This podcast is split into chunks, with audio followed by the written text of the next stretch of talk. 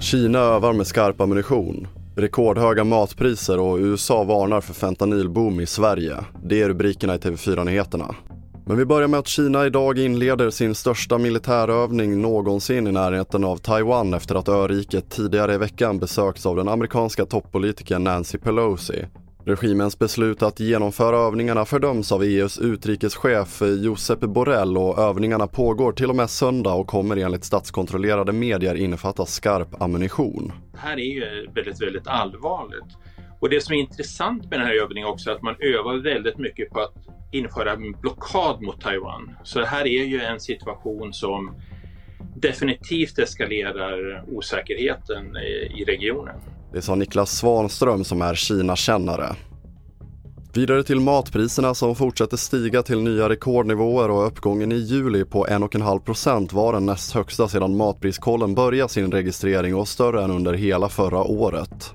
Det som ökade mest i pris under juli det var lantkorv, avokado och mejeriprodukter och sedan i januari har matpriserna stigit med i snitt över 10% och vissa varor som matfett och kyckling med runt 25 och USA har skickat en varning till svenska tullverket om att en fentanylboom är att vänta i Sverige inom kort. Den syntetiska opioiden har skördat tiotusentals liv i USA och fentanyl är väldigt mycket farligare än andra droger, upp till 50 gånger starkare än heroin vilket gör den väldigt lätt att överdosera. Vi har fått en skarp varning från amerikanska myndigheter att det här är på väg. Det är inte frågan om om utan det är frågan om när och det kommer ske i närtid. Och det är den vanligaste dödsorsaken i eh, USA i åldern 18 till 45. Det är just överdosering av fentanyl. Vi är väldigt bekymrade över att det här kommer att etablera sig i Sverige inom en snar framtid. Det sa Oskar Lindvall som är biträdande kontrollchef vid Tullverket. Och vi avslutar på Island där det fortsätter att välla fram lava på Reykjaneshalvön efter det vulkanutbrott som startade igår.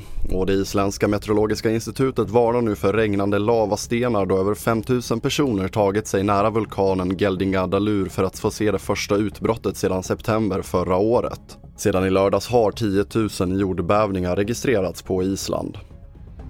Och det sätter punkt för TV4-nyheterna. Fler nyheter hittar du som vanligt på tv4.se. Jag heter André Metenen Persson.